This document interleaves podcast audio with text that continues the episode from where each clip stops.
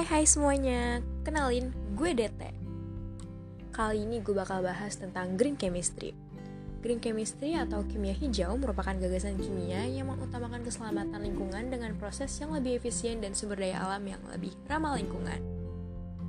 Nah, naiknya kasus pemanasan global dan pencemaran udara akibat pembakaran bahan bakar seperti minyak bumi, gas bumi, serta batu bara mengubah pandangan dunia untuk menciptakan energi terbarukan dan menghasilkan lebih sedikit emisi gas rumah kaca.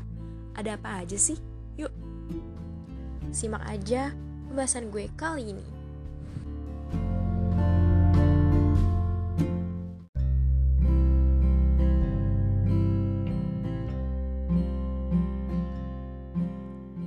Nah, yang pertama nih, energi terbarukan yang pertama itu ada biomasa.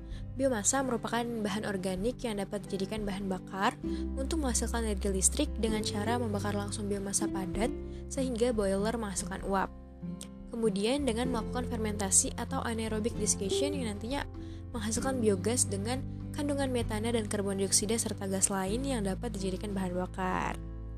Selanjutnya nih, ada biodiesel sebagai salah satu bahan bakar terbarukan yang bersumber dari bahan nabati dan diprediksi dapat menggantikan posisi minyak bumi, guys.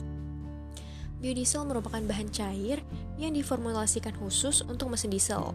Dengan komposisi campuran 5-20%, berbagai kendaraan hingga mesin-mesin industri dapat menggunakan biodiesel ini. Biodiesel sendiri terdiri dari campuran monoalkyl ester yang dapat dihasilkan dari tanaman yang mengandung asam lemak seperti kelapa sawit, jerak pagar, kelapa, sirsak, serikaya, dan kapuk. Selain biodiesel, temuan bahan bakar baru bisa didapatkan dari pengolahan limbah plastik, karet, bahkan ban kendaraan bekas. Limbah polyolefin ini dianggap sebagai sumber bahan mentah bahan bakar minyak. Secara umum, mekanismenya itu dengan menggunakan metode metode pirolisis, yaitu memanaskan plastik pada suhu di atas 4000 Celcius tanpa oksigen. Pada suhu tersebut, plastik akan meleleh dan kemudian berubah menjadi gas. Dan rantai panjang hidrokarbon akan terpotong menjadi rantai pendek.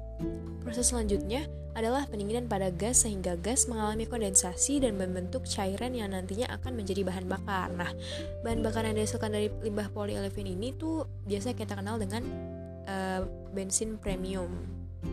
Nah, itulah seputar pemanfaatan kimia hijau pada bidang energi. Terima kasih, sampai jumpa di podcast selanjutnya.